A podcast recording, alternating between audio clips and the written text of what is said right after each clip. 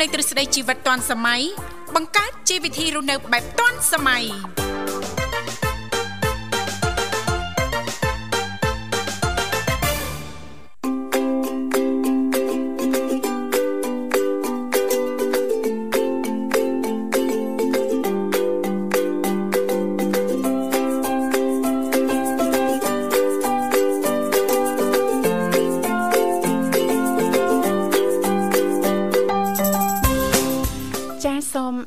នុញ្ញាតលំអរកាយគ្រប់នឹងជម្រាបសួរលោកលស្រីនាងកញ្ញាប្រិយមិត្តស្ដាប់ទាំងអស់ជាទីមេត្រីអរុនសុស្ដីប្រិយមិត្តស្ដាប់ទាំងអស់ជាទីស្នេហាផងដែររីករាយណាស់នៅក្នុងកម្មវិធីជីវិតឌွန်សម័យដែលមានការផ្សាយផ្ទាល់ចេញពីស្ថានីយ៍វិទ្យុមិត្តភាពកម្ពុជាចិនដែលលោកអ្នកនាងកញ្ញាទាំងអស់ចាកំពុងតែបើកស្ដាប់តាមរយៈរលកធាតុអាកាស FM 96.5 MHz ផ្សាយចេញពីរាជធានីភ្នំពេញ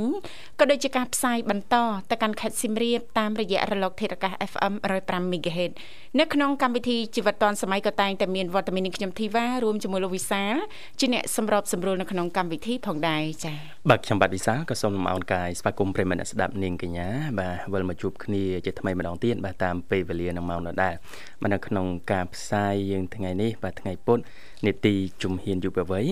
បាទប៉ុន្តែសប្តាហ៍នេះបាទយើងមានវាគ្មិនបាទជាស្អីគឺភ្ញៀវកិត្តិយសភ្ញៀវកិត្តិយសបាទចូលរួមមកចែករំលែកនៅបទពិសោធន៍ចាចាជីវិតបទពិសោធន៍ការងារបាទប្រវត្តិនៃការតស៊ូខ្លះខ្លះបាទដើម្បីជាមេរៀនបាទក៏ដូចជាបទពិសោធន៍ចែករំលែកបន្តដល់ប្រិយមិត្តអ្នកស្ដាប់យើងជាពិសេសបងប្អូនមិត្តយុវវ័យយើងតែម្ដងបាទចាដែលលោកអ្នកនាងកញ្ញាអាចអញ្ជើញចូលរួមបានចានៅក្នុងកម្មវិធីតាមរយៈលេខទូរស័ព្ទចំនួន3ខ្សែមានដូចជា010 965 965 081 965 105និងមួយខ្សែទៀត097 74 00 055លោកវិសាចាអាចបង្ហើបជូនទេ ថាភ្ញៀវកិត្តិយសក្នុងកម្មវិធីយើងជានរណាដែរចាជឿថាប្រិមិត្តចាប្រកាសជាចង់ជ្រាបហ្នឹងណាបាទបាទបាទភ្ញៀវកិត្តិយសយើងបាទពិសេសថ្ងៃនេះបាទដោយសារអីបាទ ពិធីករសម្ភារពិធីករបាទបាទភ្ញៀវកិត្តិយសយើងថ្ងៃនេះគាត់ក៏ជាពិធីករមួយរូបបាទពិធីករវ័យក្មេងដែលកំពុងតែមានប្រជាប្រិយភាព នៅក្នុងប្រព័ន្ធផ្សព្វផ្សាយក៏ដូចជា ខាងទូរទស្សន៍ចាតាមរយៈកញ្ចក់ទូរទស្សន៍ជឿថាប្រិយមិត្តស្ដាប់ភិកច្រើនហ្នឹងចាប្រកាសជាបានស្គាល់ខ្លះដែរណាបាទបាទចាយើងប្រហែលប៉ុណ្ណឹងសិនណាប្រហែលប៉ុណ្ណឹងសិនបាទវគ្គបន្តបន្តនិយាយចំថាវគ្គក្រោយតែម្ដងនឹងជួបសម្ភារជជែកជាមួយគាត់ប៉ុន្តែឥឡូវពីកម្មវិធីសូមអនុញ្ញាតសម្រាប់រៀបចំជូននៅបទចម្រៀងស្វាគមន៍មួយបទសិនបាទ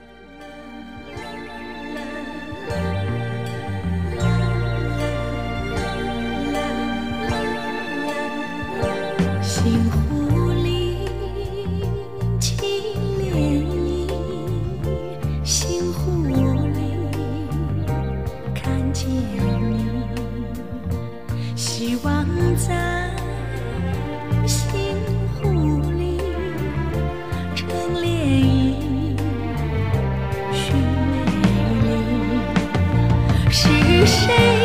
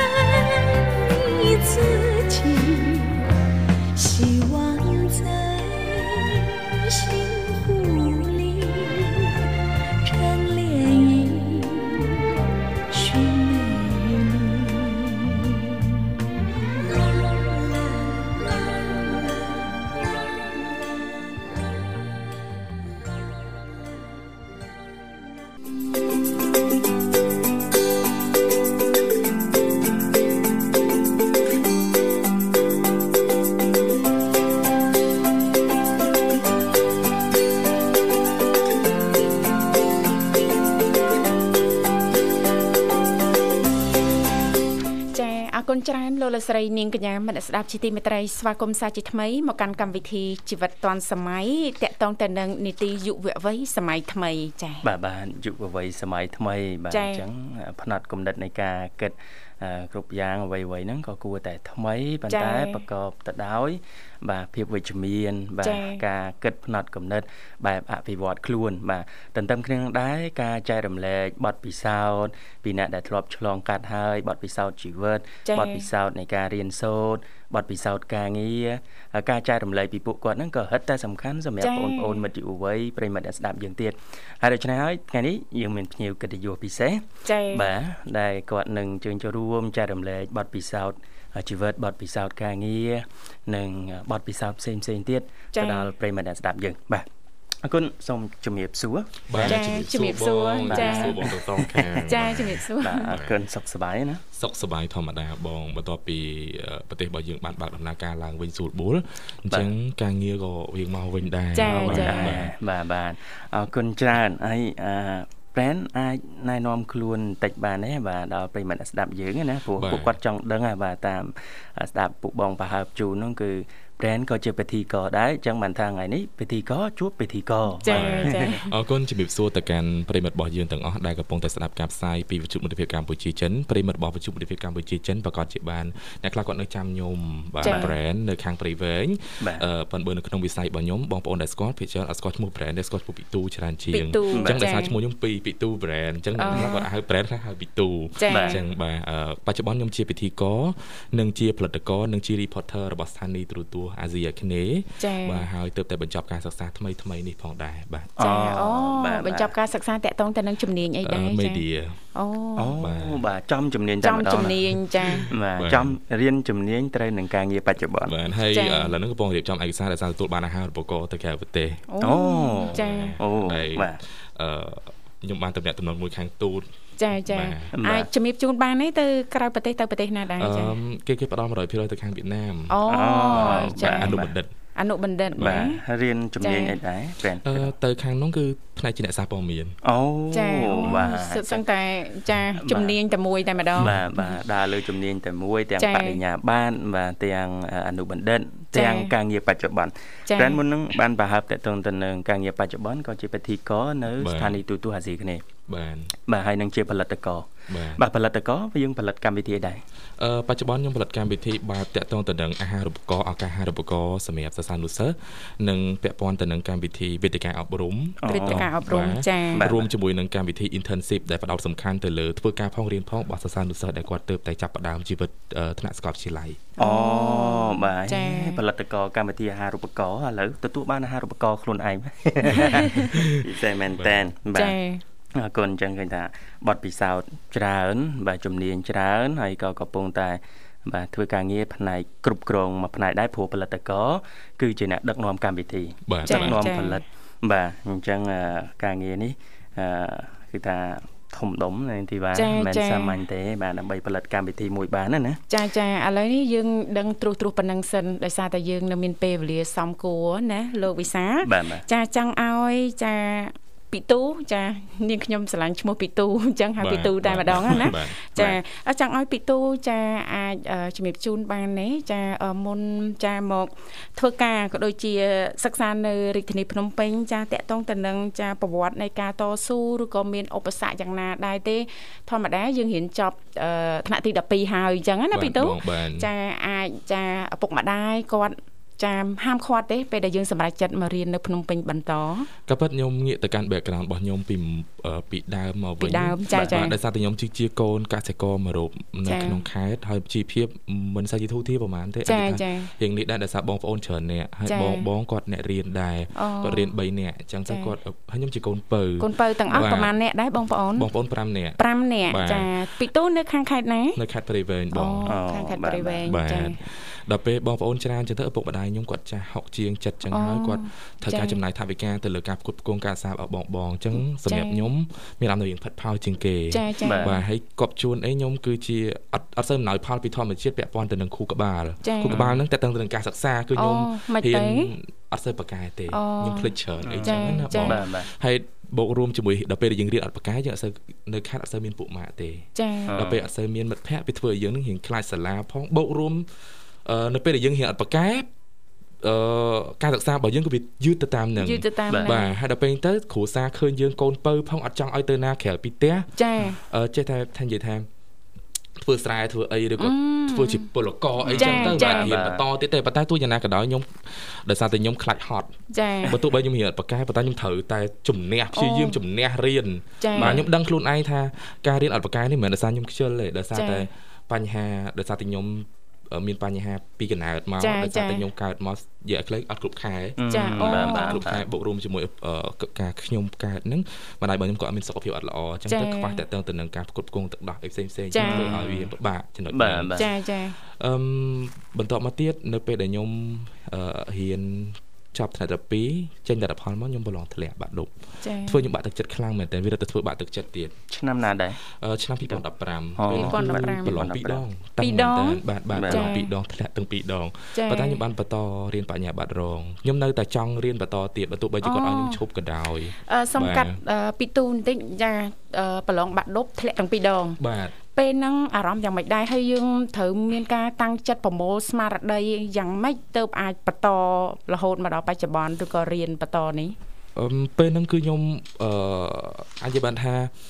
ជំនះខ្លួនឯងតែម្ដងហើយខ្ញុំត្រូវតែគិតថាចេះខ្ញុំត្រូវធ្វើវាឲ្យបានអូបាទបើសិនជាខ្ញុំរៀនអត់បកកែទេខ្ញុំត្រូវរកអីមួយចា៎អញ្ចឹងក្នុងឡងពេលហ្នឹងណាបាទពេលហ្នឹងអឺខ្ញុំបានស្គាល់វិទ្យុមិត្តភាពកម្ពុជាចិនកម្ពុជាចិនជាមួយនឹងវិទ្យុផ្សេងផ្សេងៗទៀតចាចាអឺខ្ញុំតែងតែខលចូលរថយន្តខ្ញុំត្រូវតែចេះនៅពេលដែលខ្ញុំរៀនអត់បកកែខ្ញុំត្រូវរកសមត្ថភាពអីមួយផ្សេងទៀតចាបាទចាពេលហ្នឹងគឺខ្ញុំចេះបញ្ចូលសម្លេងកុនអូអូចេះអញ្ចឹងបញ្ខ្ញុំចូលសម្លេងខកូនអឺនៅវិទ្យុមិត្តភាពកម្ពុជាចិនដូចជាមាននីតិមួយតើតើអឺសមត្ថភាពកម្មអីមិនដឹងទេកម្មវិធីទឹកតែតន្ត្រីបាទចាបាទបាទបាទជាមួយនឹងស្ថានីយ៍វិទ្យុផ្សេងផ្សេងៗគឺគេចា៎កម្មវិធីបង្ហាញសមត្ថភាពបង្ហាញសមត្ថបាទភាពអញ្ចឹងថ្ងៃហ្នឹងខ្ញុំទៅចូលខ្ញុំធ្វើសម្លេងនេះស្អែកឡើងធ្វើសម្លេងនេះអូពេលអញ្ចឹងគេឃើញសមត្ថភាពរបស់ខ្ញុំហើយខ្ញុំមានចា៎អារម្មណ៍ថាចេះហើយនៅពេលដែលខ្ញុំធ្វើទៅហើយខ្ញុំ record សម្លេងស្ដាប់ទៅមានអារម្មណ៍ថាតំណងតំណងខ្ញុំគួរតែទៅខាងហ្នឹងអបាទញ្ចឹងនៅពេលដែលយើងស្គាល់ខ្លួនឯងថាខ្លួនឯងគឺជាអ្នកគេខ្លួនឯងមានអីគេគួរតែដោះខាត់អាហ្នឹងទៅអញ្ចឹងនៅពេលដែលខ្ញុំនិយាយប្រាប់ទៅកាន់អ្នកផ្ទះអ្នកផ្ទះគាត់មានអារម្មណ៍ថាអានេះឈួតមែនតើគាត់ទៅជាអញ្ចឹងអីចេះណាគាត់អត់ចា៎ឲ្យតម្លៃទៅលើបញ្ហាទាំងចានេះទេចាចាបាទដោយសារតែឃើញយើងរៀង អត់ទៅរឹងមាំតាំងពីចា៎តូចមកអញ្ចឹងគាត់គាត់គិតថាយើងនឹងអត់អាចធ្វើអីបានទេចាចាបាទបាទពេលនោះមាន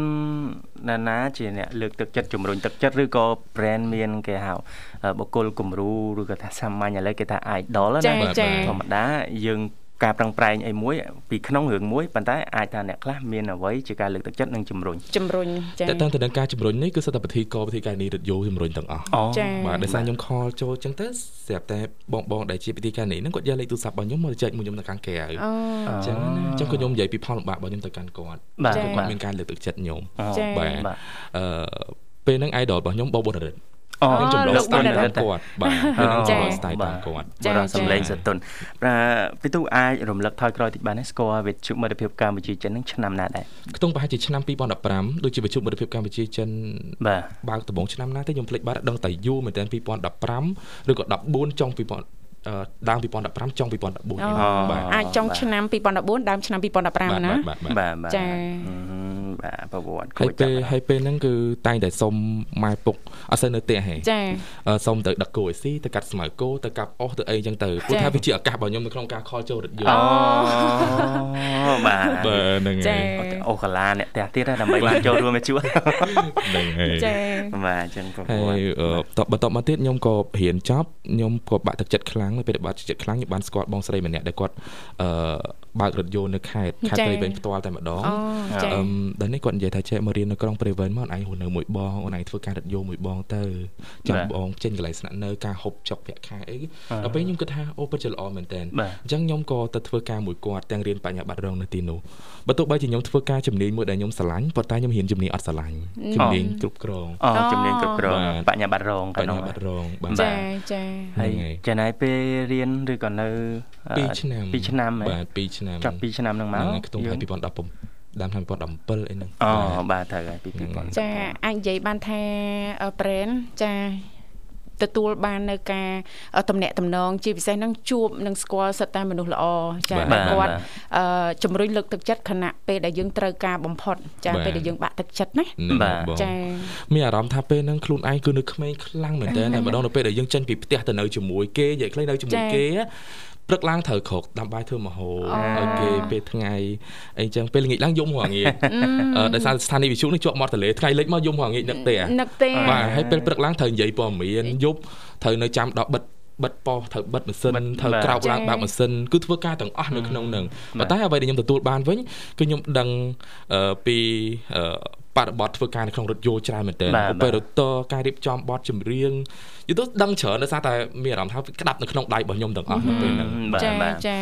ចឹងនិយាយពីជីវិតពេលមកភ្នំពេញវិញបាទចាប់ផ្ដើមចូលមកប្រឡូកក្នុងការងារនៅរាជធានីភ្នំពេញឆ្នាំណាដែរហើយចាប់ផ្ដើមជាមួយនឹងការងារអ្វីដែរអឺមខ្ញុំងាកមកភ្នំពេញគឺនៅក្នុងឆ្នាំ2017ទងដើមឆ្នាំ2017នៅពេលដែលខ្ញុំអឺចាប់គេថាដាក់ពាក្យប្រឡងបញ្ញាបត្រ ពលប្រឡងគេស្វៃរិនណាបងបាទស្វៃរិនខ្ញុំចាប់ដើម connect បងប្អូននៅខាងភ្នំពេញឲ្យហើយព្រោះថាខ្ញុំដឹងថាខ្ញុំអាចបន្តការសិក្សាទៀតបានទេមានអារម្មណ៍ថាចោលលុយហើយចោលពេលវេលាទៀតយើងហ៊ានអត់ចូលចាចាអញ្ចឹងខ្ញុំ connect ចំបងប្រុសម្នាក់ដែលគាត់បើកទូរទស្សន៍អនឡាញចារបៀប connect របស់ខ្ញុំខ្ញុំប្រាប់ទៅកាន់ប្រិមិត្តរបស់យើងអានេះជាជ្រុងមួយសម្រាប់ឲ្យពួកគាត់រៀន connect ខ្លួនពីខេត្តមកពេញចាចាសំខាន់ណាស់ចំណុចគឺសំខាន់មែនតើចាចាអឺឧទាហរណ៍ថាខ្ញុំចង់ធ្វើការនៅស្ថាប័នណាមួយឧទាហរណ៍ស្ថាប័នស្ថានីយ៍ទូអនឡាញនឹងខ្ញុំចូលទៅកាន់ page របស់គាត់ហើយខ្ញុំចូលមើលការ share ព័ត៌មានអញ្ចឹងជឿជាក់ថាអ្នកដែល share ព័ត៌មានភាគច្រើនសិតបុគ្គលិកដែលដែលគាត់ share ចាចាអញ្ចឹងខ្ញុំ add ទៅទាំងអស់ដល់ពេលខ្ញុំ add ទៅទាំងអស់អញ្ចឹងអឺ10នាក់អញ្ចឹងក៏មាន5នាក់គាត់ confirm ដែរ យ៉ាពេលគាត់ confirm អញ្ចឹងខ្ញុំតែតែចូល comment របស់គាត់រាល់ពេលដែលគាត់ post រូបគាត់ព័ត៌មានចូល comment អញ្ចឹងទៅរូបបេះដូងអីបើថាយើងអត់ចេះនិយាយអីគេដាក់រូបបេះដូងអញ្ចឹងទៅបាទដល់ពេលយូរយូរទៅក៏យើងឆាតទៅគាត់យ៉ាងណាបងសុខសប្បាយអត់អីចឹងចឹងគាត់តាមបងអើយអធិស្ឋានដោយសារខ្ញុំនៅរៀនហើយខ្ញុំស្រឡាញ់ការងារដូចបងខ្លាំងណាបងមានកន្លែងណាមួយសម្រាប់ខ្ញុំធ្វើបានដែរអត់បានលុយបានលុយអត់បានធ្វើស្រឡាញ់មែនតើការងារដូចបងហ្នឹងអង្គុយមើលក៏បានដែរដល់ពេលចឹងទៅឲ្យតែយើងប្រាប់ថាយើងនៅរៀនណា មនុស្សស្ទើរតែមានបេះដូងបាទគឺគាត់ផ្ដល់ឱកាសឲ្យយើងហ្នឹងចាចាបាទបាទហ្នឹងហើយគឺនេះរបៀបក្នុងការ connect របស់ខ្ញុំចានេះគឺជាជាភាពឆ្លៀសវៃរបស់ brand ចាក្នុងការតំណាក់តំណងជាមួយមជ្ឈដ្ឋានខាងក្រៅចាហើយពេលហ្នឹងភ្ជាប់តំណាក់តំណងការងារបាននៅស្ថាប័នណាដែរអឺស្ថាប័នសារព័ត៌មានទូទស្សន៍អនឡាញកន្លែងនៅ TNM អនឡាញនៅនៅផ្សារថ្មីចានៅផ្សារថ្មីអញ្ចឹងណាអញ្ចឹងក្រៅពីជីវិតជាពិធីករបាទនៅខេត្ត brand ចាប់ផ្ដើមជាមួយនឹងពិធីករទូទួលអនឡាញទូទួលអនឡាញចេញមកពីរថយន្តចូលទូទួលអនឡាញចេញពីរថយន្តចូលទូទួលបាទសិតតែប្រព័ន្ធផ្សព្វផ្សាយទាំងអស់ចាចាបាទហើយធ្វើទូទួលអនឡាញប្រហែលឆ្នាំដែរអឺដូចជាធ្វើកន្លះឆ្នាំពេលហ្នឹងកន្លះឆ្នាំអឺនិយាយទៅក្នុងអំឡុងពេលឆ្នាំទី1បងគឺប្អូនស្ទើរតែអត់មានពេលគេងសម្បី តែ1ម៉ោង2ម៉ោងចា៎បាទឯបាទអត់មានពេលគេងគឺបងអូនធ្វើការច្រើនកន្លែងពេកពេលហ្នឹងទាំងការងារមិនបានលុយផងទាំងការងារបានលុយអូខ្ញុំងាកមក background របស់ខ្ញុំឆ្នាំទី1ខ្ញុំចង់ចែករំលែកទៅកាន់បងប្អូនរបស់យើងទាំងអស់ដោយសារពេលវេលារបស់យើងច្រើនដែរបាទបាទបាទបាទនៅពេលខ្ញុំឡើងមកពេញដំបងគឺដោយសារបងប្អូនរបស់ខ្ញុំគឺគាត់អត់ដឹងថាជំនាញ ពិធីករនឹងគឺជាស្អីឯងខ្លួនឯងក៏ដឹងដែរដឹងថាស្រឡាញ់ពិធីករចង់រៀនជំនាញនឹងចង់ធ្វើការទទួលចង់ធ្វើការរត់យោជំនាញនឹងគេនៅសាលាណាទៅចាខ្ញុំដើរគ្រប់សាលាទាំងអស់មកតអាគប់មួយនឹងព្រឹកឡើងដឹងតែវិចបាយឯងហើយហូបបាយតាមសួនច្បារចេះនិយាយទៅមានអារម្មណ៍ថាវាកំសត់ខ្លួនមែនតើអឺត្រូវជិះចូលសាលានេះទៅសួរគេបងជិះវិសួរបងនៅនឹងមានជំនាញពិធីករអត់មានជំនាញផ្នែកទៅការទទួលអត់មានទេអូនអូនអាចទៅសាលានេះសិន ណែនាំតាមគេប្រាប់ពេលខ្លះជិះចូលបរិយគេវែងរកផ្លូវចេញអត់រួចក៏មានអស់សាំងបដាលក៏មាននិយាយទៅគ្រប់ប្រភេទបលិចរាចរចាប់គឺចាប់ស្ទើរតែរាល់ថ្ងៃអូគឺយើងអត់ដឹងទិសញ្ញាចរាចរភ្លើងយេយេយេគឺគឺពេលហ្នឹងគឺមានអារម្មណ៍ថាខ្លួនឯងដឹងមិនមកទេដឹងទៅណាទៅផ្លូវណាផ្លូវណីទេបាទរហូតដល់ពេលខ្ញុំស្គាល់បងប្រុសម្នាក់ដែលគាត់ធ្វើការនៅស្ថាន ធ្វើជាជាអ្នកកសែតបាទចាដូចជា daily មិនដឹងឯងគាត់ហ្នឹងឯងភ្លេចគាត់បាត់ទេគាត់ក៏ណែនាំ recommend ទៅរៀនសាកលវិទ្យាល័យមួយហ្នឹងអូនឯងទៅរៀននៅហ្នឹងទៅអឺឯងនិយាយថានៅនឹងគេមានជំនាញនឹងអញ្ចឹងណាដល់ពេលទៅរៀននៅនឹងទៅអត់ហ៊ានប្រឡងអាហារូបករណ៍ទេដល់ដោយសារតែគិតថាខ្លួនឯងមកពីខេត្តតែពិតសមត្ថភាពអាចប្រឡងអាហារូបករណ៍បាទប្រវត្តិការងារអីបាទ ដល់ពេលនេះបងលុយពេញហ្មងទៅដល់ពេលបងលុយពេញគឺច្រើនមែនតើបងប្រចាំឆ្នាំចាប់ដើមតឹងរ៉ាញ់ធុវិញហ្នឹងហើយគឺមួយមុខ180មួយធើមមាន5មុខ អូគឺខ្លាំងមែនអូទែនរៀនតាមមុខវិជ្ជាបាទរៀននឹងរៀនតាមមុខវិជ្ជាឬតាម term អញ្ចឹងចា៎3 3 3ខែ4ខែគឺខ្ញុំត្រូវចំណាយ5 600 5 600អញ្ចឹងនៅពេលហ្នឹងគឺឪពុកម្ដាយរបស់ខ្ញុំក៏គាត់និយាយឲ្យខ្លីមកគាត់អត់ support តើតើទៅនឹងការសិក្សារបស់យើងទេចា៎គាត់ចា៎គិតថារៀនអ្នកកសែតទៅប្រកាសជាគាត់សម័យរូបភាពទៅរៀនអ្នកកសែតកសែតប្រឈមប្រឈមនឹងគ្រោះថ្នាក់ចា៎ណាមួយចា៎ខ្ញុំរឹងចា៎ដោយសារខ្ញុំពីកណ្ដាលខ្ញុំរឹងប៉ុន្តែការរឹងរបស់ខ្ញុំនេះមិនមែនរឹងទៅតឹងទេចា៎មុនចា៎នឹងខ្ញុំរឹងទៅលើចំណុចអីខ្ញុំត្រូវ survey ឬក៏ស៊ើបជុំវិញនឹងអស់កុំឲ្យមានហានិភ័យបាទបាទរឹងមែនប៉ុន្តែកុំឲ្យមានបញ្ហាបាទកុំឲ្យលំបាកដល់គាត់ចា៎អញ្ចឹងចា៎ណាបាទបាទគឺអញ្ចឹងគឺខ្ញុំត្រូវការអឺរកលុយរៀនឲ្យខ្លួនឯងសម្រាប់ការធ្វើការផងនិងរៀនផងនៅក្នុងឆ្នាំទី1តាមឆ្នាំទី1ទៅរៀនផងធ្វើការរៀនផងផងធ្វើការរហូតផងបាទបាទហើយពេលនោះធ្វើមិនទៅដំណោះស្រាយតកតូនទៅនឹងហិរញ្ញវត្ថុបងថ្លៃសាលាដោះស្រាយជីវភាពរស់នៅប្រចាំថ្ងៃផងអីផងធ្វើអយ៉ាងម៉េចឺពេលហ្នឹងគឺខ្ញុំ ឡាយលក់ស្បែកជើងអីគេផងពេលយប់ខ្ញុំច្រៀងតាម B Garden ហើយខ្ញុំត្រូវឡាយលក់កៅអៅហើយខ្ញុំធ្វើធ្វើការរត់យោផងធ្វើការទទួលអនឡាញអូផងច្រើនមុខហ៎និយាយទៅមួយថ្ងៃអឺមើលអឺខ្ញុំរៀបរាប់អញ្ចឹងចា៎ពីរៀនម៉ោង11ខ្ញុំតម្លៃលក់បែកជើងអីគេនៅ Eon 2ម៉ោង10ម៉ោង12ដល់ម៉ោង1ខ្ញុំត្រូវតែអឺ មក live ទទួលអនឡាញម៉ោង1កន្លះអញ្ចឹងរយៈពេលកន្លះម៉ោងត្រូវជិះពី Eon 2មកផ្សារថ្មីបងឲ្យតន់អូយកន្លះម៉ោងបាទឲ្យតន់គឺខ្ញុំអត់ដែលមានពេលហូបបាយខ្ញុំត្រូវទិញដលងជៀនបញ្យួរឲ្យកូនម៉ូតូជិះញ៉ាំបដារហូតពេលហ្នឹងអឺ live ចប់ខ្ញុំត្រូវទៅនិយាយរត់យោម៉ោង4រហូតដល់ម៉ោងអឺ5 1ម៉ោងនៅនៅផ្សារអស័យចាបាទជិះមកផ្សារអស័យទៀតតបមកអឺ ម៉ោង5ចប់ខ្ញុំត្រូវជិះទៅ IU វិទ្យុយោមកកន្លែងទៀតកម្មវិធីអឺទំព័រជីវិតនិយាយពីបញ្ហាជីវិតនិងដោះស្រាយអំណោះស្នេហាចាជិះទៅក្នុងអឺចូលធ្វើការម៉ោង6ចេញម៉ោង7ខ្ញុំត្រូវ live អង្គុយ live ឲ្យក្រុមហ៊ុន B ក៏ live ម៉ោង7កន្លះដល់ម៉ោង8កន្លះ live ចប់ខ្ញុំត្រូវរៀបចំខ្លួនមកច្រៀងនៅ Beer Garden ពេលយប់ដើម្បីបានបាយអូយហូបបន្ថែមនិងលុយ tip ចេះចេះចេះច្រៀងទៀតមានអាជីពក្រៅពីជំនាញពិធីករខ្ញុំអាចអឺមិនបរោះទេប៉ុន្តែគាត់ថាអឺបើខ្ញុំឈៀងជាមួយភ្លេងខ្ញុំអាចទៅរួចទៅរួចប្រឡំប្រឡែងប្រឡំអញ្ចឹងណាមួយពេលហ្នឹងខ្ញុំសុំខាង Beer Garden ហ្នឹងគេខ្លាំងអញ្ចឹងទៅចា៎គេក៏ក៏គេក៏អាណិតគេអត់ឲ្យលុយថ្លៃចម្រៀងប្រចាំថ្ងៃទេប៉ុន្តែខ្ញុំធ្វើមិនដើម្បីបានលុយ tip ពីភ្ញៀវអូពេលនោះការងារប្រហែលមុខដែរបើសរុបទៅ អឺ4 5មុខអីហ្នឹងប្រាំបងអូហើយក្នុងពេលណាមួយដែលខ្ញុំថ្ងៃអត់អត់ច្រៀងទេខ្ញុំអឺខ្ញុំសំលុយទៅទិញអាហារក្រៅ7 8ដុល្លារហ្នឹងយកមកឡាយលក់ឡាយលក់មួយចំណេញ1ដុល្លារអាវមួយណាអូបាទអញ្ចឹងបាហើយទពេលព្រឹក ខ្ញុំត្រូវយកអាវដាក់តាមបេនឡានហើយបើខ្ញុំទៅរៀនអឺផ្ញើឲ្យគេនោះបាបាទទផ្ញើឲ្យគេអឺតម្រាំបានសម្រាប់យប់ឡើងម៉ោងប្រហែលទៅបើការងារអាចម៉ោងម៉ោង3ហើយក្រោក3ម៉ោងទៅរៀន6បាទក្រោកម៉ោង6យកអីវ៉ាន់ទៅដាក់ឲ្យគេចូលរៀនម៉ោង8អូបាទបាទចាយើងគ្រាន់តែស្ដាប់បទពិសោធន៍ត្រួសត្រាសរបស់ brand ចាគ្រាន់តែស្ដាប់ឯងលោកវិសាបាទ ចាមានអារម្មណ៍ថាចា មោ มัน ទ មាន នភាព มันមាន ជំនួស ពេលវេលា brand សម្រាប់ បាទ ខ្លួនឯងហើយជាពិសេសនឹងដូចរៀងអឺមានមោទនភាពហើយនឹងមានកម្លាំង បាទ ចាសង្ឃឹមថាយុវវ័យយើងអាចនឹង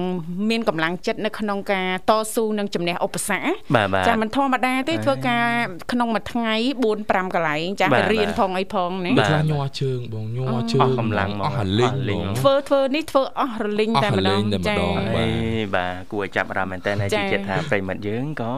បាទចង់ដឹងបន្ថែមទៀតឬចា៎ក៏ចង់ដឹងលម្អិតចា៎ពីជីវិតការងារនិងការតស៊ូរបស់ brand ដែរចា៎បាទនៅវគ្គក្រោយ បាទយើងនឹងទទួលជួបជាមួយប្រិមិត្តប៉ុន្តែឥឡូវសូមអនុញ្ញាតសម្រាប់បន្តិចសិនបាទ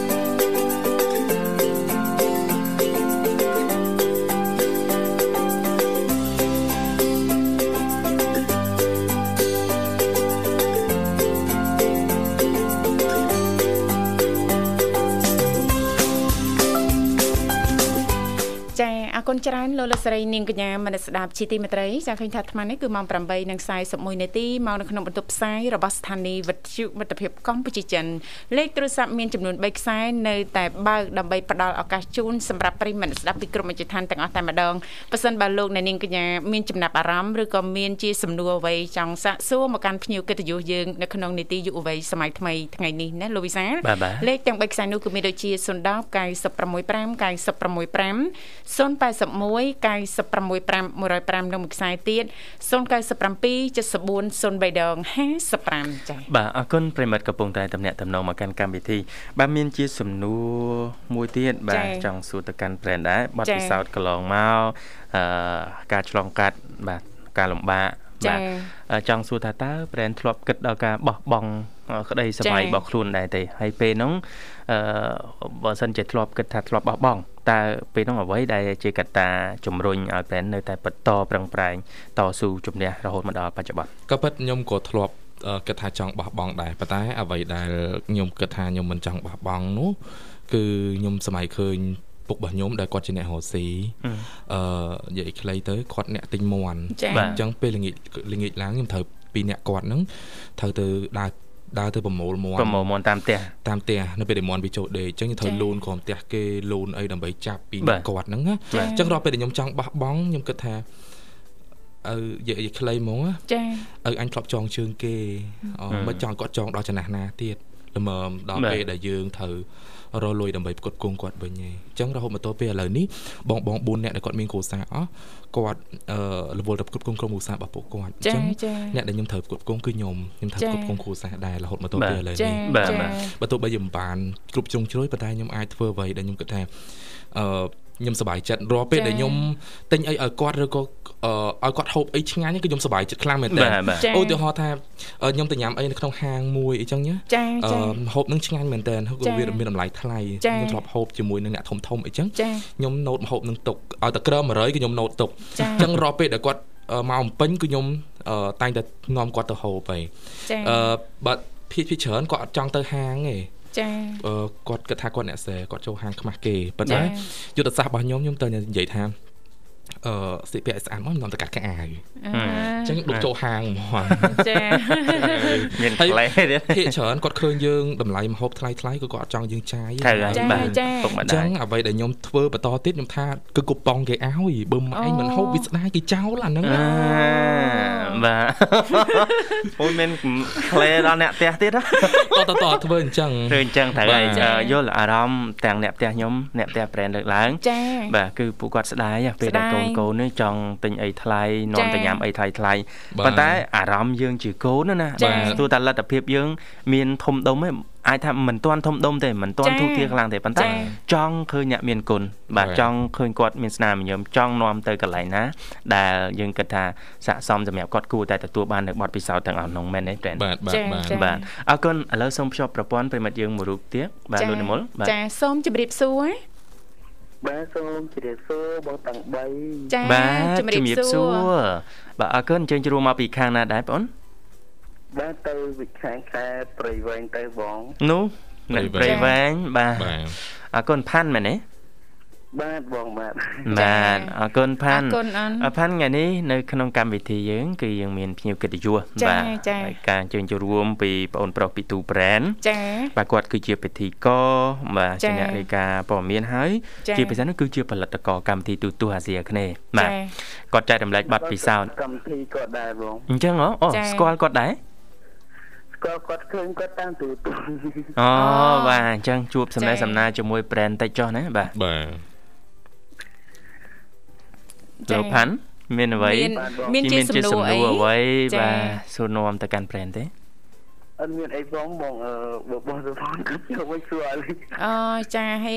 មុនហ្នឹងចាផាន់ក៏បានស្ដាប់ចាការចែករំលែកតកតងទៅនឹងបទពិសោធន៍ចានៃការខិតខំប្រឹងប្រែងរបស់ brand រួចហើយណាផាន់ណាបាទបងចាបាទបាទអរគុណច្រើនបាទអញ្ចឹងចូលចូលមកនេះបាទអត់ ចង់សួរសំណេះសំណាលសួរសុកទុកប្រែនទេណាអូបាទអេបាទអញ្ចឹងបងចង់បាទបងបាទអត់អីទេសុខសប្បាយធម្មតាទេណោះបាទហ្នឹងហើយអូនសម្រាប់ការចូលរួមនៅក្នុងថ្ងៃនេះអញ្ចឹងបើអូនអត់មានសំណួរទេចាប់បងធ្វើការចែករំលែកបន្តទៀតបាទបាទបាទ អឺមិញបងស្ដាប់សម្លេងបងអត់សូវ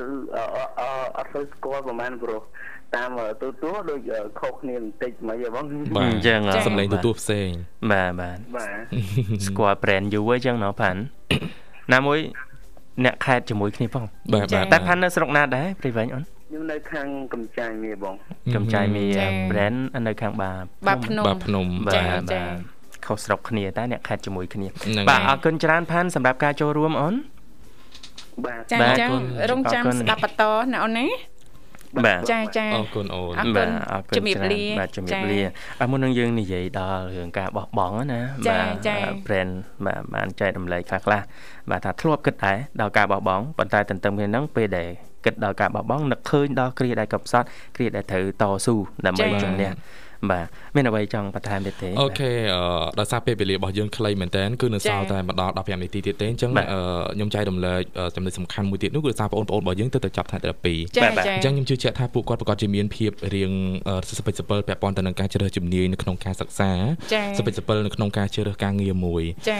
នៅតែមានវប្បធម៌ទៅតាមពួកម៉ាក់នៅតែមានវប្បធម៌ទៅតាមគ្រួសារពេលខ្លះអត់ដឹងថាខ្លួនឯងចង់រៀនអីឲ្យពិតប្រាកដណាមួយទេអញ្ចឹងជាការចែករំលែករបស់ខ្ញុំណាបាទដោយសារខ្ញុំធ្លាប់ឆ្លងកាត់ថាខ្ញុំជ្រើសជំនាញខុសរយៈពេល2ឆ្នាំខាតទាំងថវិកាខាតទាំងពេលវេលា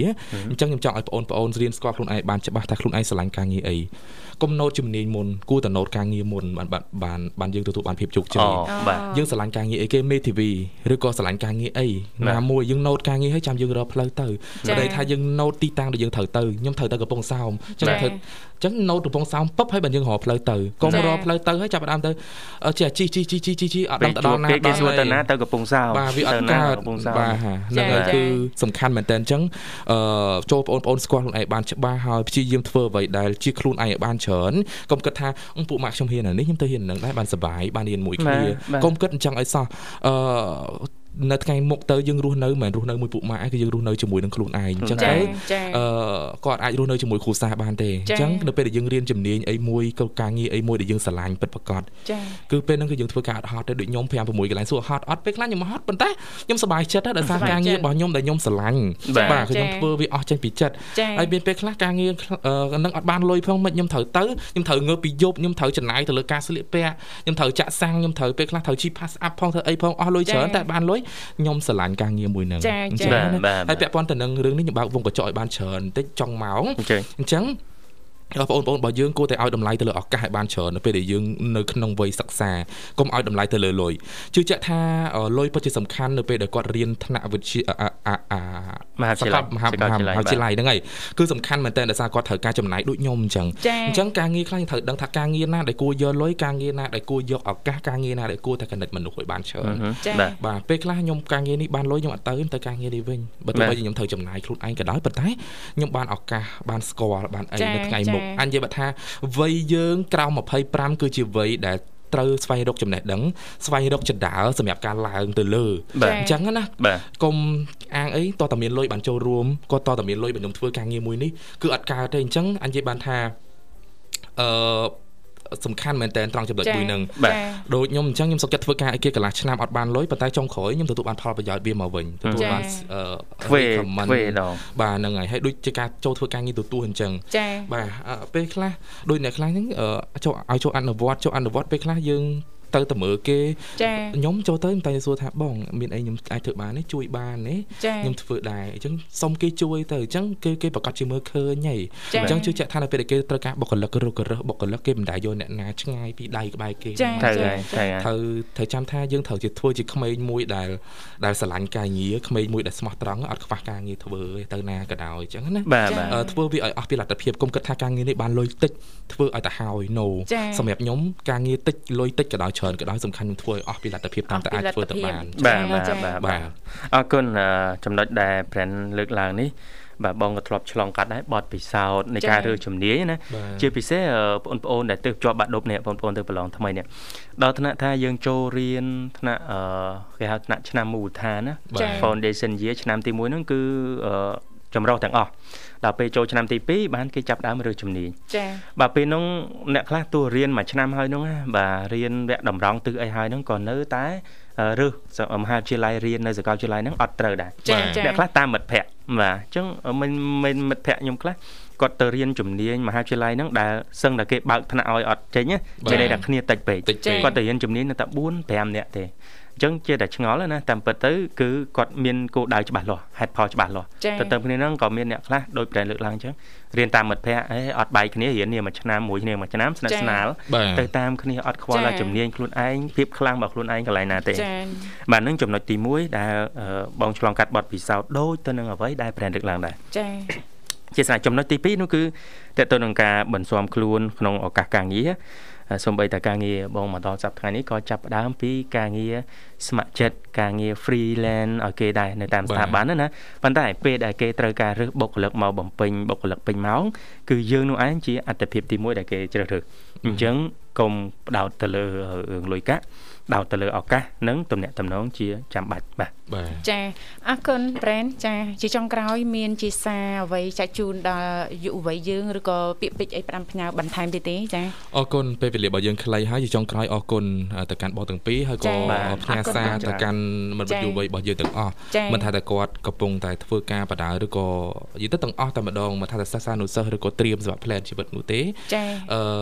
ដោយសារតែឥឡូវហ្នឹងគឺយើងមានភាពងាយស្រួលដោយសារយើងមានអ៊ីនធឺណិតនៅក្នុងដៃអញ្ចឹងគឺងាយស្រួលនៅក្នុងការកំណត់គោលដៅងាយស្រួលនៅក្នុងការ search survey រកអ្វីដែលយើងចង់បានចង់ធ្វើប៉ុន្តែគួរតែប្រើប្រាស់វាទៅតាមកន្លងមួយដែលយើងអឺគិតថាទទួលបានផលប្រយោជន៍ត្រឡប់មកវិញកុំសบายតាមមួយពេលឥឡូវនេះត្រូវចាំថាមនុស្សរបស់យើងពេលវេលាវាកាន់ដើរទៅមុខហើយអញ្ចឹងបើសិនជាយើងថ្ងៃស្អែកចាំដើរគេដើរថ្ងៃនេះ ថ្ងៃមុខទៅគឺប្រកាសជាផុតហើយមួយទៀតគឺសំខាន់មែនតើបងប្អូននេះជាបទពិសោធន៍របស់ខ្ញុំផ្ទាល់កុំនិយាយថាខ្ញុំហ៊ានវីគ្មិនរបស់យើងហ៊ានអសើបកែប៉ុន្តែគាត់ជោគជ័យទៅលើការងារចា៎មានពេលខ្លះក៏ខ្ញុំអន់ចិត្តខ្លួនឯងរាល់ពេលដែលខ្ញុំធ្វើ MC ខ្ញុំអត់ចេះភាសាមិនថាខ្ញុំមិនចេះទេឥឡូវភាសារបស់ខ្ញុំទទួលយកបានហើយប៉ុន្តែពីមុនខ្ញុំពិបាករឿងភាសាចា៎ពេលខ្លះគេធ្វើជាមួយយើងឈរជាមួយយើងលុយគេ2ដងលើយើងរហូតដល់គេនិយាយទៅចេះបើឯងបើឯងអាចប្រើភាសាអង់គ្លេសល្អជាងហ្នឹងអូនឯងបានលុយគេនឹងទាំងអស់គឺខ្ញុំអន់ចិត្តខ្លាំងមែនតើខ្លួនឯងបាទទាំងខ្ញុំស្រែកអឺសូមស្វាគមន៍ផងញើសចូលភ្នែករៀនបិទភ្នែកទេប៉ុន្តែលុយមិនបាន25%នៃលុយគេ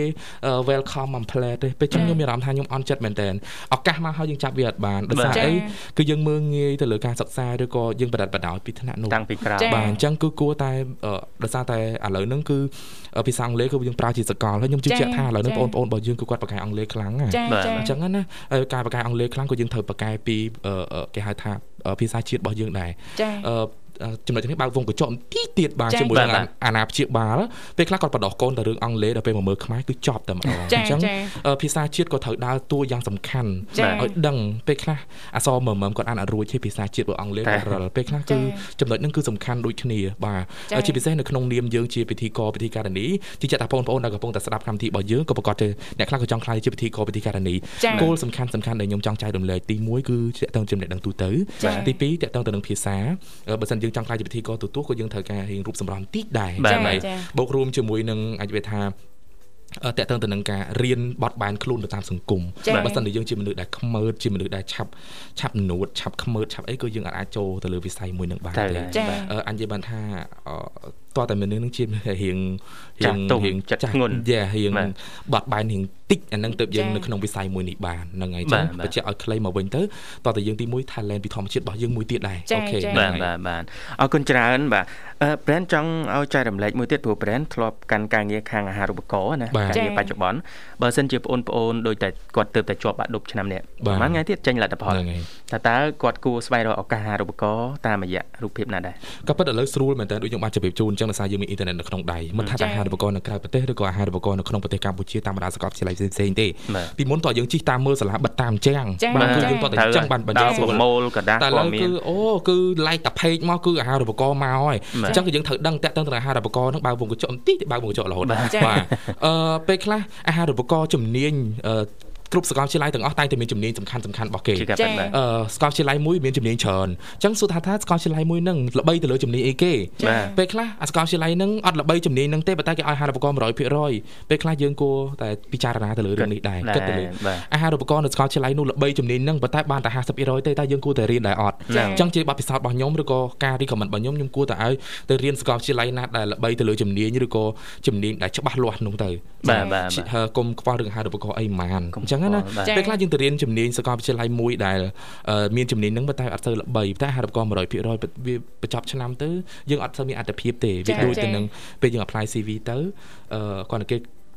ដំណាក់កាលដំបូងគេមើល credit សកលរបស់យើងអញ្ចឹងអញ្ចឹងយើងត្រូវមើលចំណុចថងនេះអាហារូបករណ៍យើងចង់បានហើយច្រើនប៉ុន្តែគឺយើងត្រូវមើល credit សកលដែរថាយើងគួរតែរៀនសាលាណាឲ្យច្បាស់រៀនសាលាណាដែលគេទទួលស្គាល់វាដូចផ្លាកលេខម៉ូតូអញ្ចឹងណាផ្លាកលេខខេត្តប្រហែលលក់ផ្លាកលេខពេញស្រួលលក់អញ្ចឹងតាមតែចាហ្នឹងហើយបាទអរគុណច្រើនបាទនេះបាទយើងញាប់តិចយើងចុងម៉ោងណាបាទទទួលបានបទពិសោធន៍ច្រើនមែនតើពី brand ហើយក៏ការចែករំលែកបន្តពីសំណាក់ brand ទៅកាន់ប្រិមិត្តយើងហ្នឹងក៏សង្ឃឹមថាបងប្អូនមិត្តមិត្តយុវវ័យជាពិសេសតែម្ដងទទួលយកជាបទពិសោធន៍ល្អល្អសម្រាប់ការរស់នៅប្រចាំថ្ងៃបាទជីវិតការងារជីវិតសិក្សាបាទ ចាហើយក៏សូមអរគុណចំពោះ brand ផ្ទាល់ដែលចំណាយពេលវេលា